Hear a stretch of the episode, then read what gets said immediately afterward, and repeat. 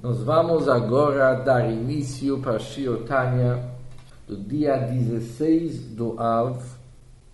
O Shiotanya de hoje está no Igeret HaKodesh, página 215, o trecho que começa Ach Biur HaInyan. O Shiotanya de hoje termina na página 216, no fim do primeiro trecho, a palavra Basia. Recapitulando um pouco daquilo que nós estudamos, o Balatanya está explicando o versículo que Beyud Kei Hashem Sur Olamim, onde que nossos sábios disseram que com Yud foi criado Olam Haba, mundo vindouro e Ganeden, e com Rei foi criado nosso mundo. Antes de mais nada, o Balatanya explicou o que que significa o mundo vindouro, o que que significa Ganeden paraíso.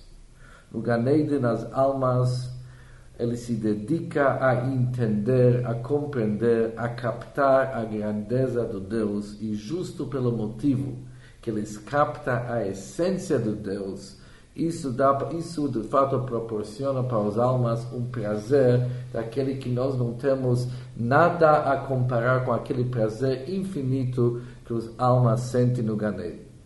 É totalmente diferente o Hassagá, a compreensão que as almas têm no paraíso, aonde que eles captam aquele que é chamado essência, Hassagá Tamerut, diferente da nossa Hassagá, da nossa forma de entender, que é chamado Hassagá Tamtziut, apenas entendemos a existência da Hashem.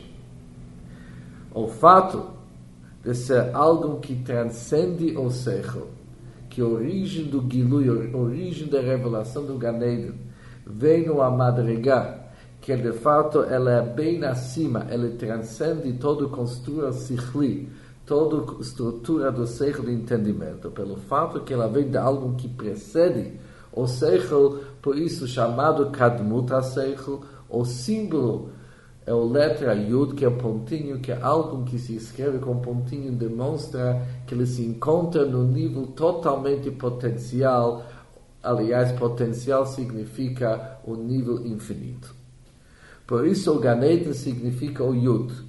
Nosso mundo, onde que já tem uma hitpashtut, onde que já tem uma extensão, está ligado mais com a letra Rei, origem o rei Ilá, o primeiro rei do Shem Havaya, da tetragrama, e o último rei, que significa Pastut Hamalchut. De fato, quando a Malchut, o reinado de Deus, se estende de tal forma para ser um Meller, para ser um rei sobre nosso mundo, que é o mundo do Makom, o mundo onde que está vigorando que estão conceitos de espaço, mala, mata, cima e baixo, quatro cantos, o conceito do Makom, o Malchut Hashem, se estende e se até está influenciando e apoiando o nosso Makom, por isso o símbolo disso aqui é a letra Rei. O Yud e o Rei, eles são equivalentes que nós vimos antes, a alma da fala e o corpo da fala. Cada vez que verbalizamos, articulamos uma letra, articulando uma letra significa que aquela letra possui tanto alma e o corpo. O corpo da letra é o sopro que sai do nosso coração, que ele ainda é chamado Pashut, ele ainda não tem diferenças entre uma letra e outra, quando aquele Kol Pashut, ela passa pelos cinco tipos de saída que tem na nossa boca, chamado Rei Motzotapé, daqui para frente começa a se articular letras específicas, 22 letras que existem no nosso alfabeto. A alma das letras está ligado com tsiur, com a forma das, com a formação final das letras.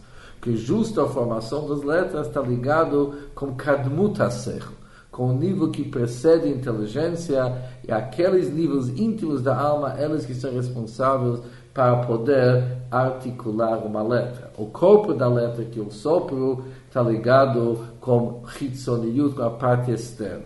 Por isso, como yud, Nivra Olam Haba, o Yud do, do tetragrama do Deus. Ele é responsável sobre a criação dos mundos ocultos superiores, aonde que está revelado a alma dos otiot, a alma das letras, e portanto que nosso mundo, onde que o mundo mugbal, o mundo limitado, onde que o dibur da Hashem, Deus cria através da sua fala o que, que nós sentimos mais no nosso mundo, quem que é responsável mais pela criação do nosso mundo é o corpo dos letras, que é chamado o último rei de Yud Kei Vav Kei. Isso foi apenas um pequeno resumo daquilo que estudamos no último Shiurei Time. No Shiur Time de hoje, o Balatanya vai nos explicar que sendo que Yud Nivra Olam Haba, com Yud foi criado o mundo vindouro, e com Rei foi criado o nosso mundo. E o Rei significa o Rei Tata, o último Rei do Shem Havai, que é o nível do Malchut, que é o nível de Dibur, a fala da Kadosh Baruch. Daquele nível do Rei Tata, foram criados todas as criaturas, não somente as criaturas do nosso mundo, também as criaturas que corresponde com os mundos superiores, que transcendem nosso mundo chamado Olam Hazé, eles também foram criados como rei Tata. Eles também correspondem com o último rei da tetragrama Yudkei Vavkei. E por que que nossos sábios falaram Berrei Nivra Olam Hazé, nosso mundo, e os outros mundos? A diferença entre nosso mundo e os outros mundos nós vamos estudar no Shirtanya de hoje. Ach para explicar o conceito que nós estudamos, Lama Amru Rabotenu Zal, por que que nossos sábios disseram, Sholam Hazedaf que que somente nosso mundo, Olam Hazé, nosso mundo, justo ele foi criado como rei. Hinei Yadua Lekol Chachmei Lev. É um assunto que é conhecido para todos os sábios de coração que ribui haolamod veheichalot, que os inumerosos mundos, palácios e câmaras superiores, asher ein lahem mispar, que eles são infinitos. Que Moshe Katuv, como está escrito, Hayesh mispar ligdudav. Será que existe uma quantidade para seus regimentos? Ou seja, o versículo diz que para os Gdudim, para os regimentos de Deus, não tem quantidade, não tem número. O Bechol Heichal Igdut, em cada palácio, em cada regimento, Elef Alafim, Elef Alafim são mil vezes mil, que é um milhão. Beribu Revavam, em centenas de milhões. Malachim existem anjos, ou seja, ou seja, a quantidade dos anjos é uma quantidade enorme. Apesar que o Talmud diz que cada regimento ele tem uma quantidade específica de anjos. Que nós acabamos de ouvir Elef Alafim, que é um milhão e centenas de milhões, mas a quantidade de Gdudim, a quantidade de regimentos, ele é ilimitado, não tem fim. Vechein nefesh ruach neshama chaya yechidah os cinco níveis de cada alma, que ela tem cinco níveis, cinco graus. Nefesh, Ruach, Neshama, Chaya e Yechidah. Madrigot Leinketz, existem em cada uma dessas categorias. Existem níveis sem fim. Veheichalot, Bui Heichalot, Shebatzilut, Briah e dentro de cada um desses mundos, cada um desses palácios e câmaras de uma quantidade enorme, inumeroso, aliás, os mundos Atzilut, Briah e Yetzirah. E Nekol Ribuyim El, toda essa quantidade ilimitada, infinita numa certa forma, Ribui Achar Ribui, que nós podemos declarar que sem dúvida nenhuma é infinito e numeroso, ad ketz mamash, até sem fim, ad infinito. Hakol Nimshach Venishpa, todo é derivado, estendido, Meribui Tzirufei Chovet Otiot Varashem. Sem dúvida nenhuma, tudo é uma consequência de inumerosas combinações das letras, das palavras do Deus. Ou seja, o que, que o Balatai nos falou nessas linhas? Sem dúvida nenhuma, a quantidade do Nivraim, quantidade de criaturas que existem nos mundos superiores, que transcende nosso mundo. Sem dúvida nenhuma, a quantidade que jamais nós podemos até expressar, a quantidade infinita que existe. Existem infinitos níveis nos almas. E nas almas mesmas, dividindo as categorias das almas, Nefesh, Ruach, Neshama, Chai, Yechidah, cada um tem em sof, infinito madrigot, níveis e graus. Assim também Malachim, os anjos do Deus, não tem fim. Os próprios mundos não tem fim. Os Heichalot, chamados palácios, câmaras superiores, não tem fim. Mas não tem fim e todos eles vêm e derivam sua força vital das combinações das 22 letras do Dibur da Hashem. Todos eles vêm do Dibur da Hashem, Hamid Chalkot, que eles por si também se dividem Gam quem também, Letzirufim Rabim, para combinações, para muitas combinações.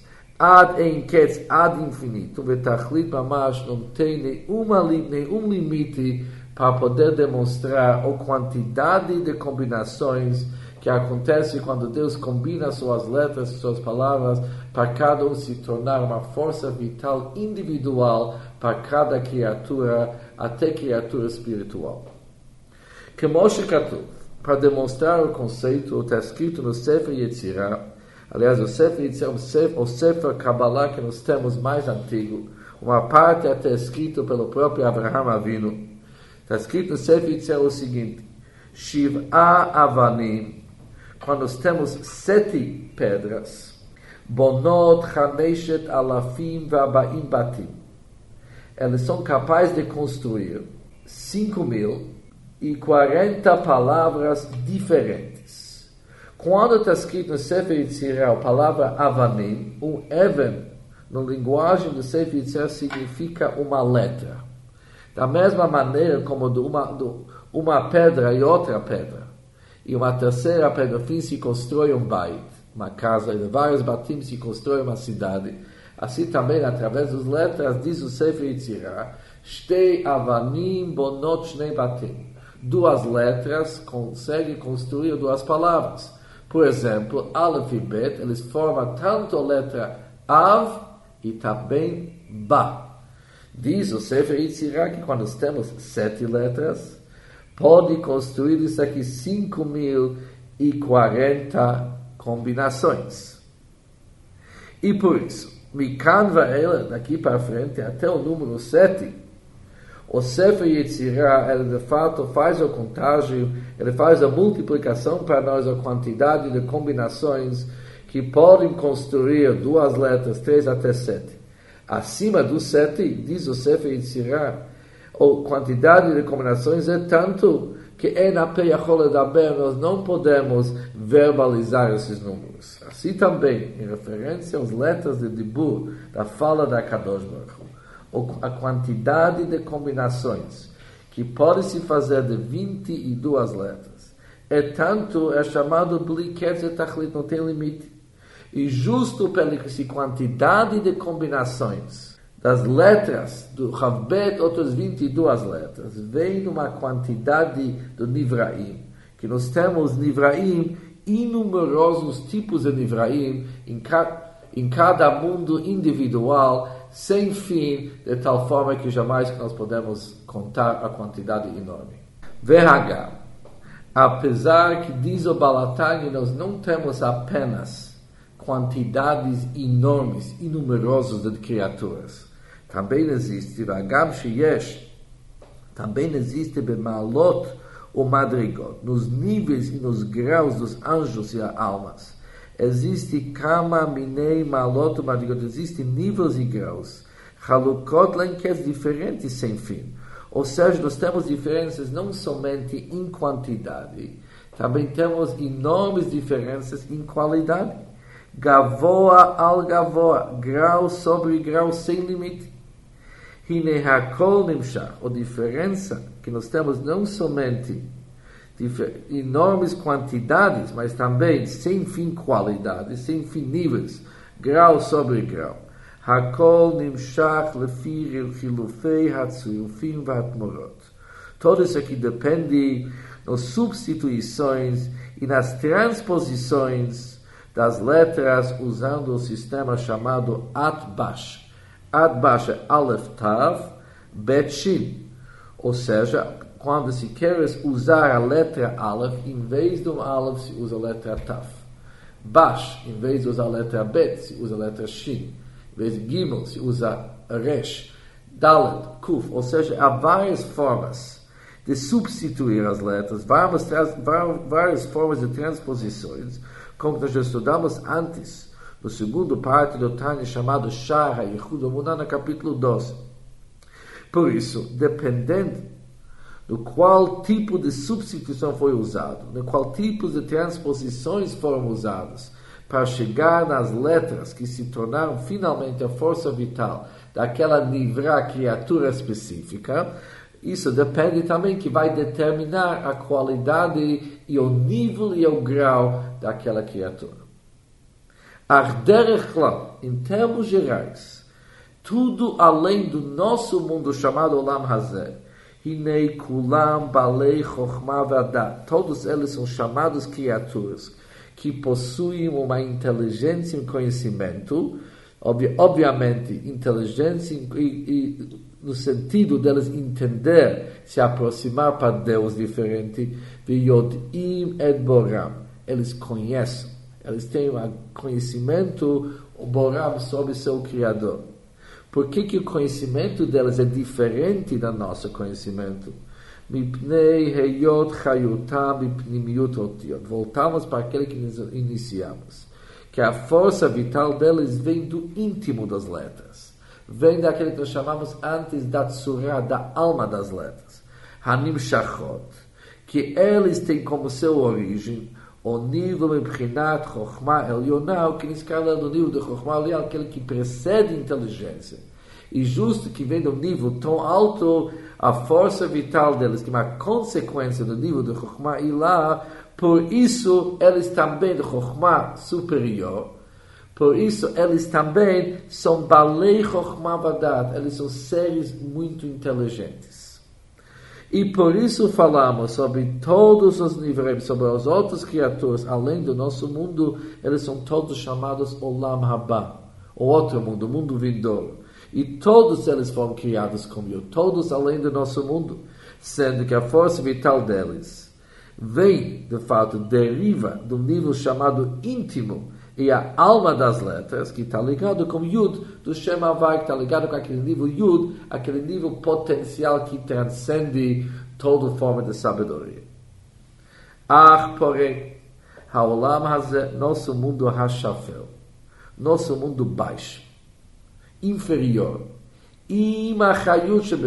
incluindo a força vital que existe em nosso mundo, Katan Meachil, ele é pequena para suportar, Lisbole para aguentar, Or vechayut, luz e uma força vital do nível Mibchinat Surat Otiot Pnimiutam. Jamais que nós podemos receber daquele nível que é chamado a alma das letras e o íntimo das letras.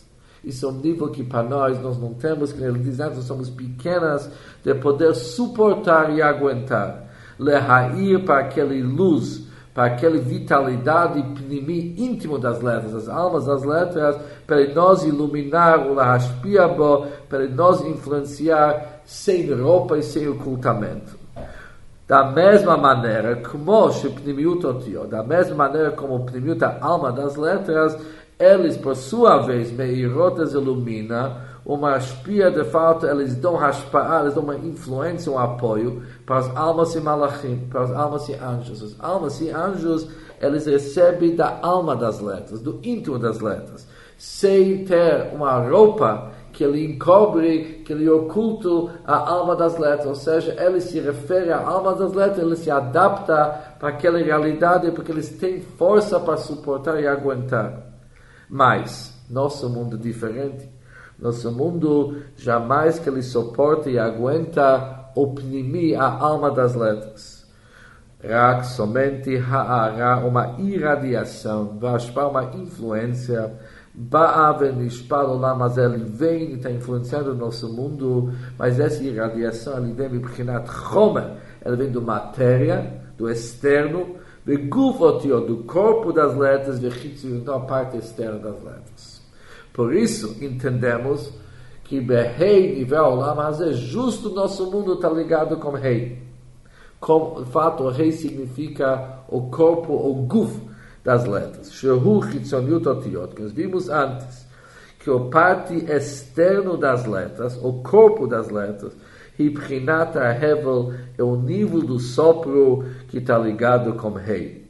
Da mesma maneira que nós vimos antes, que o Hitzoniut, o externo e o corpo das letras, eles estão de fato ligados com Hevel, eles vêm do LED como sopro, assim também como uma forma uma analogia para Hashem, falamos que o corpo das letras é que sustenta o nosso mundo, que é o mundo físico, material, que jamais que ele se adapta para aquele que é chamado pnimi, ou íntimo, a alma das letras. Agora, aquele nível do Hevel, Hamid Halek, ele por sua vez se divide em sete níveis. Lezayin Havalim Shebekohelet, sete vezes Hevel, que está escrito no Kohelet. Logo no início do Kohelet, que é uma sefer feita pelo Shlomo HaMelech, o Shlomo HaMelech diz o seguinte, futilidade das futilidades, diz o Kohelet. Futilidade das futilidades, tudo é fútil. Sete vezes é mencionado a palavra Hevel fútil.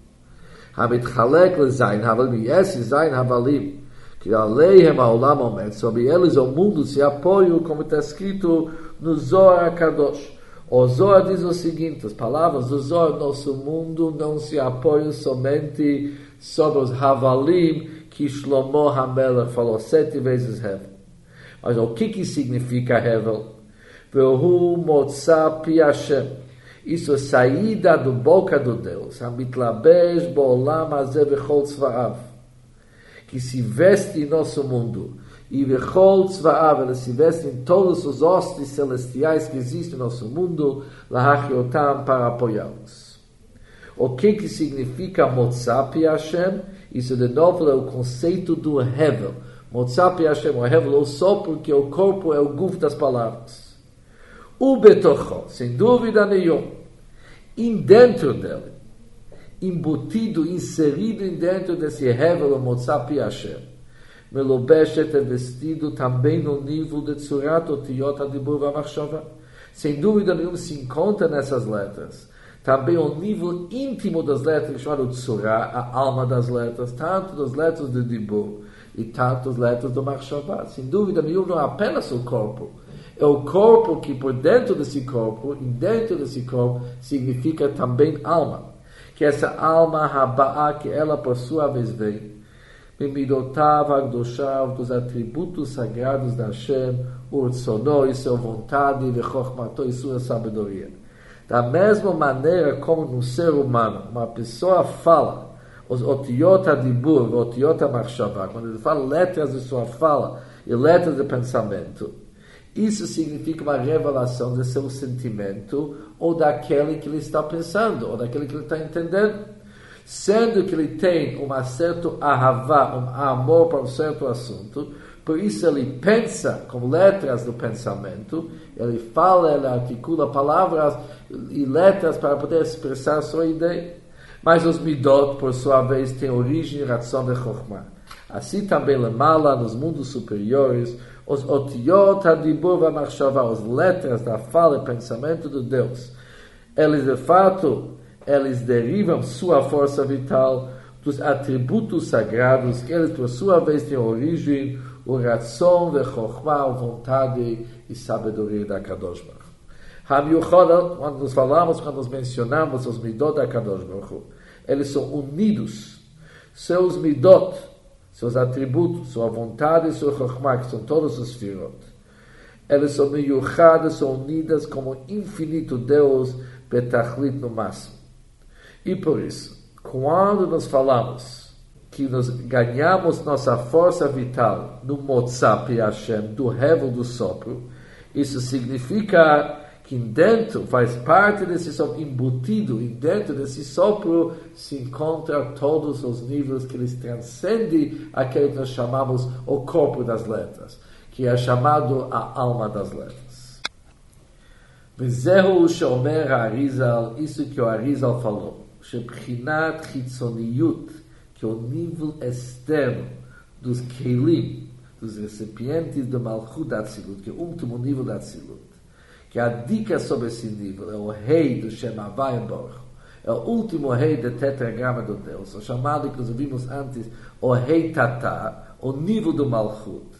Diz o Arizal, Hem yardu venasu neshama olam asiya. Eles descem e eles se tornam uma neshama, uma força vital, para o mundo da Asiya. Palavras não tivesse nesse capítulo tal, jamais que a gente ia entender o que que significa que Chitzoniyut, Hakelim de Malchut Atzilut, ligado com o último rei, ele se torna força vital nossa. Mas hoje, pelo menos agora, entendemos. O último rei do Shemavai significa o corpo das letras. E o último nível do Shemavai é o corpo das letras. Que junto com esse corpo, dentro desse faz parte do nível chamado corpo, dentro dele está escondido também os níveis que de fato transcendem o chamado corpo, que é a alma das letras. Tudo isso aqui se torna uma neshama, uma força vital, alma para o nosso mundo chamado Asiya. וכן כתוב בתיקונים, assim também está escrito no תיקוני זוהר. Ele diz o seguinte, היוד, או יוד שם הוויה, o יוד do tetragrama, ele ilumina o mundo da Tzilut. O rei, o primeiro rei de Shem Havaya, ele ilumina o mundo do Briá. O Vav, ele ilumina o mundo de Yitzirah. E o último rei Tatá, Mekanenet, ela de fato ilumina o mundo da Sia. Conforme aquele que nós entendemos agora, a revelação que ilumina o mundo da Tzilut é o nível de Chokhmah. Chokhmah é o conceito do Bitul, sua forma mais elevada. Aonde que o Chokhmah é a expressão do conceito Hu levador ve'enzulator, somente existe Deus, e além do Deus não existe nada. O Chokhmah, o conceito do Chokhmah, ele ilumina o mundo da Tzilut. O mundo do Briah, Sfirat Habinah e todos os criaturas desse mundo, tanto os Shamot como Alachim, eles são chamados grande baleia saga, eles têm grande entendimento em Deus. Justo pelo fato que Binah ilumina o mundo do Briah.